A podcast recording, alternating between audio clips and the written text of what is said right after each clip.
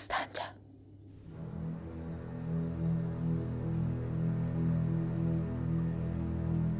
Dörd dövrəsi otaqlarla tikilmiş həyət bağ kimi idi.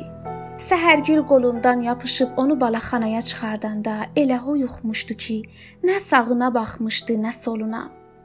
Çadıra altından, həyətin daş döşəməsindən əlavə ayrı bir yeri görməmişdi.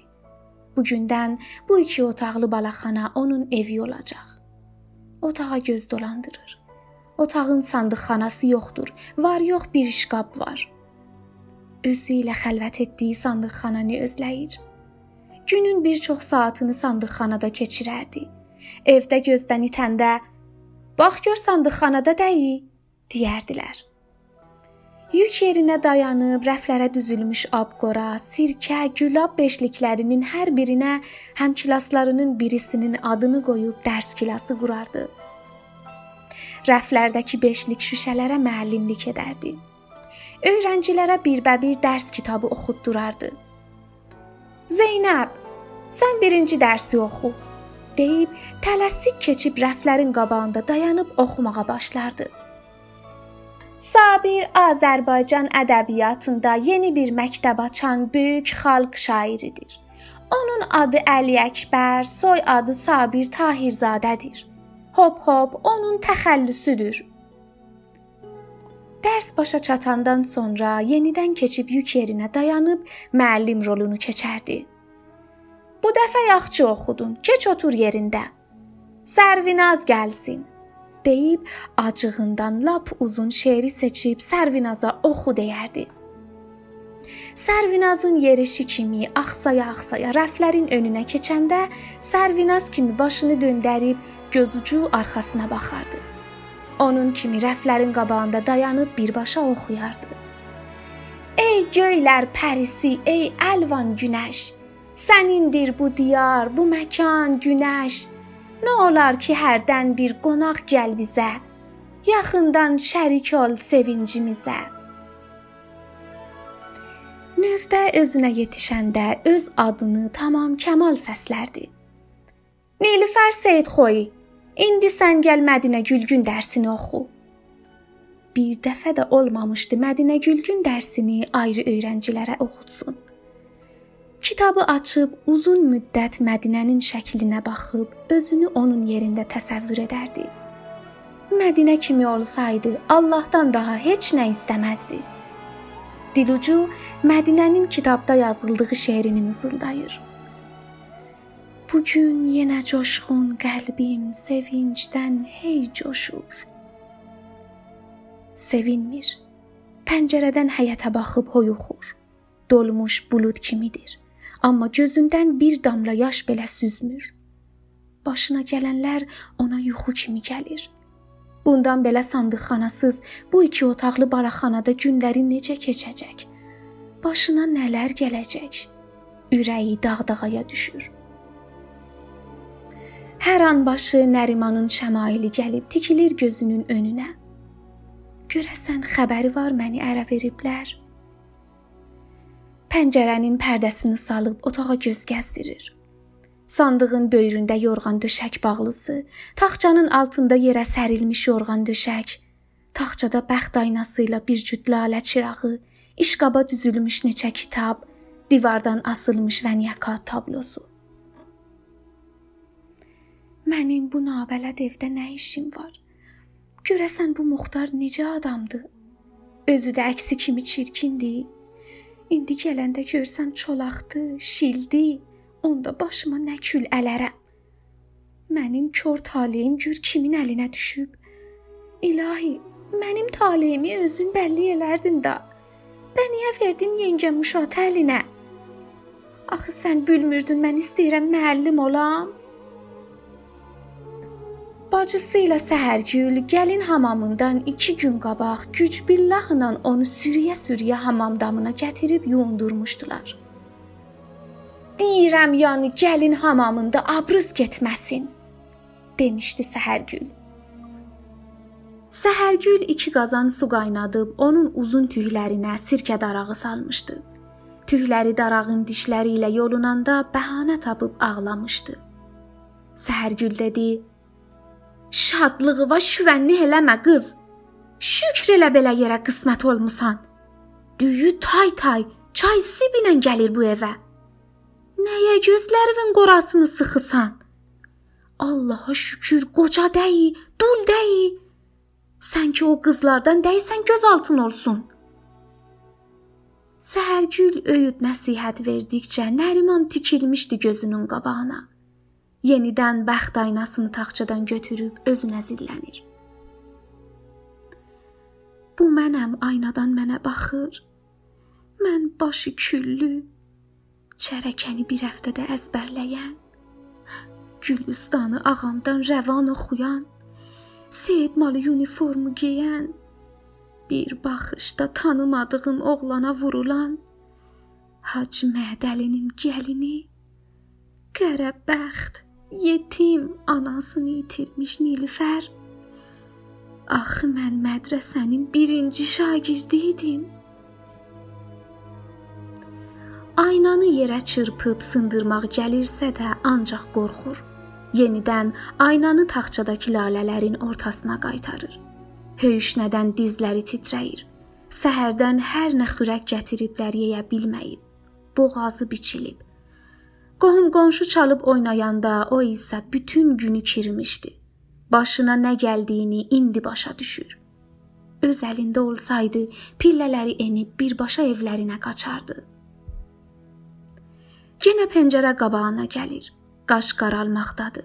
Həyətin ətrafdakı otaqların bir-ikisindən cansız bir işıq saçır. Bir kişi hovuzun başında mərdənginin altına çıraq qoyur. Həyətdə gəldi-gedərə baxır. Heç birini tanımır. Bu qədər nabələd adamın içində sabahdan necə baş saxlayacaq? Pəncərədən uzaqlaşıb otağın bucağındakı sandığın üstünə əyləşir. Qapı açılıb pərdə qırağa çəkilir.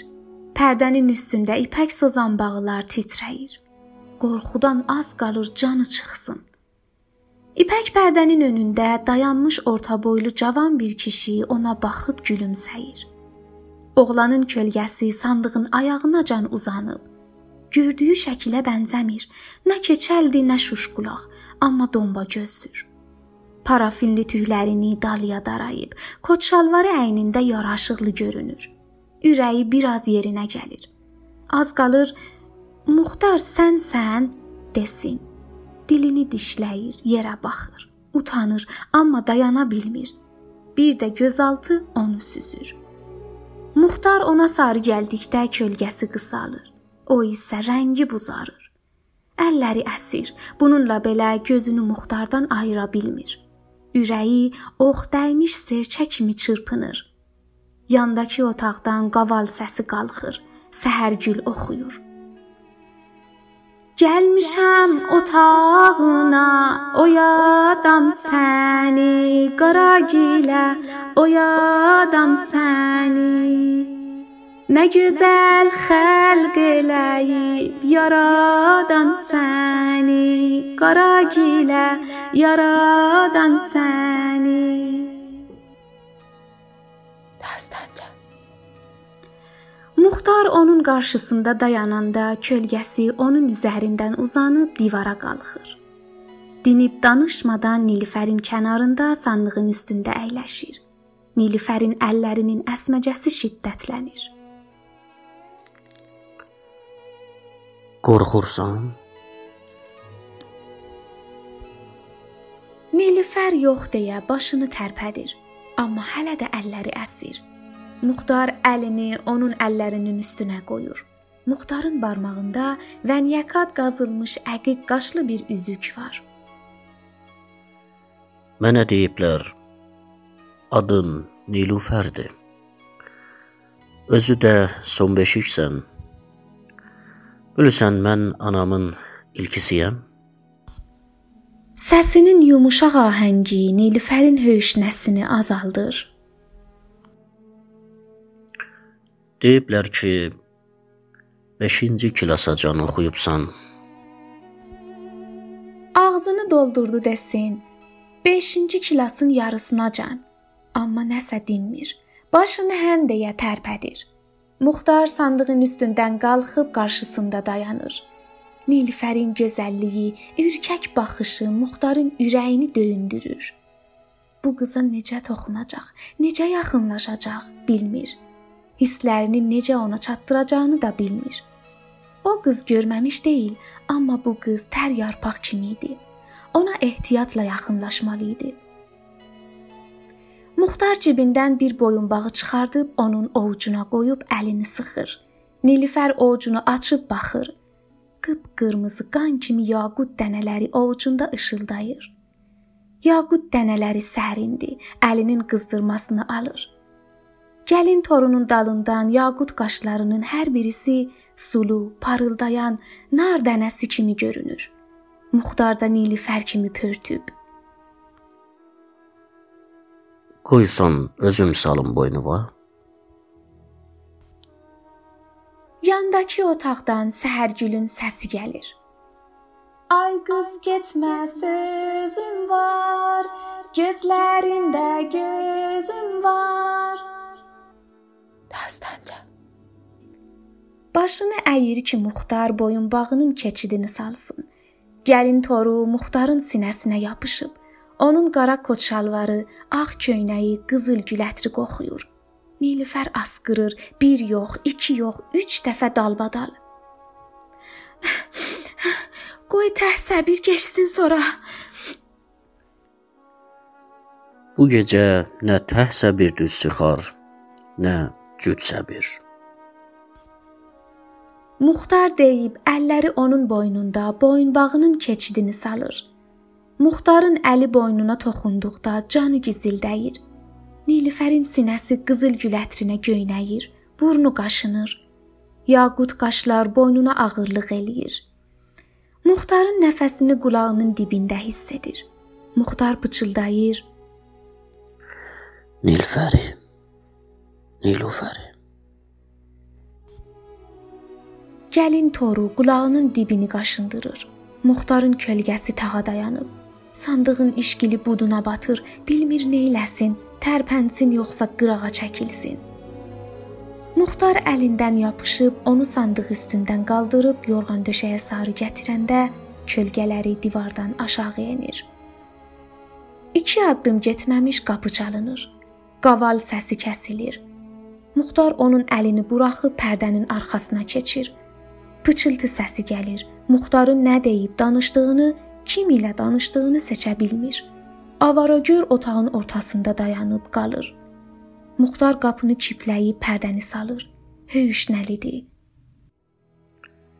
Görürsən, buna deyirlər talihsizlik.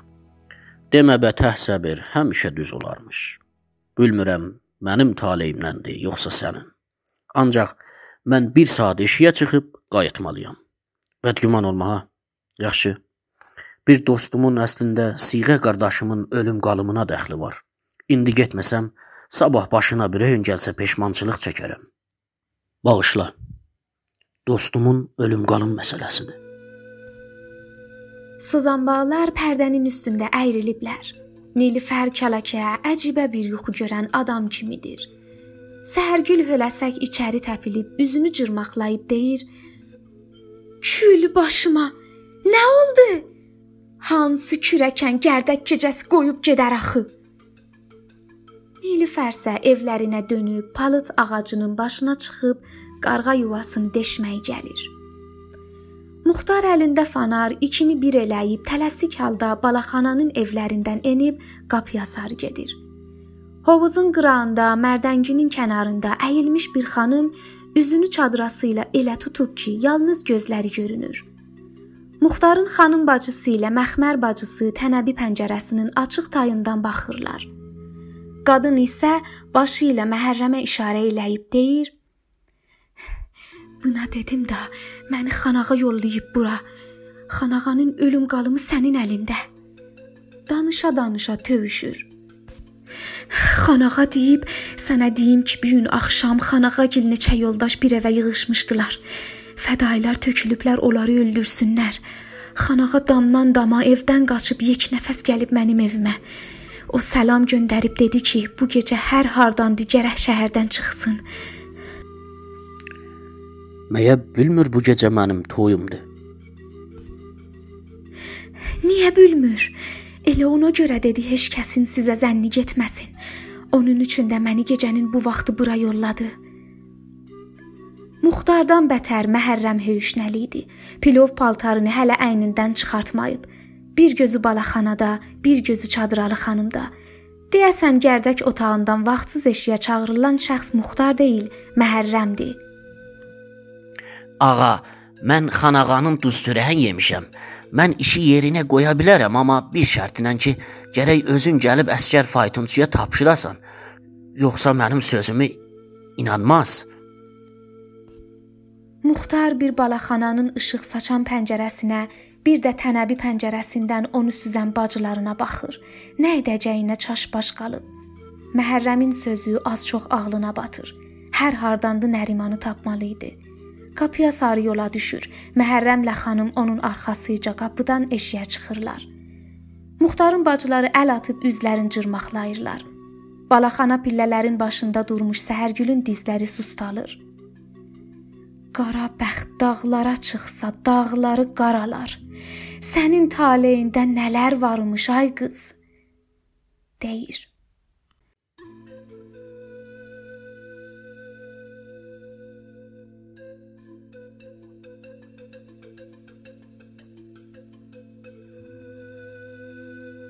Kitabın adı Quşlar daha qorxmurlar. Yazar Ruqayyə Kəbiri. Bu kitabı səsləndirdilər. Ravi Nilfər Səhərgül, Saray Tahiri, Süleyman Muxtar, Mehdi Miyablı, Nərgiz Fatimə Nəcəfzadə. Düzənləyən Səccad Müslimi. Bizim axağa qatılmaqla işimizin ardını tutmaqda bizə dəstək olun. Axağımızın adresi Dastanca D A S T A N C A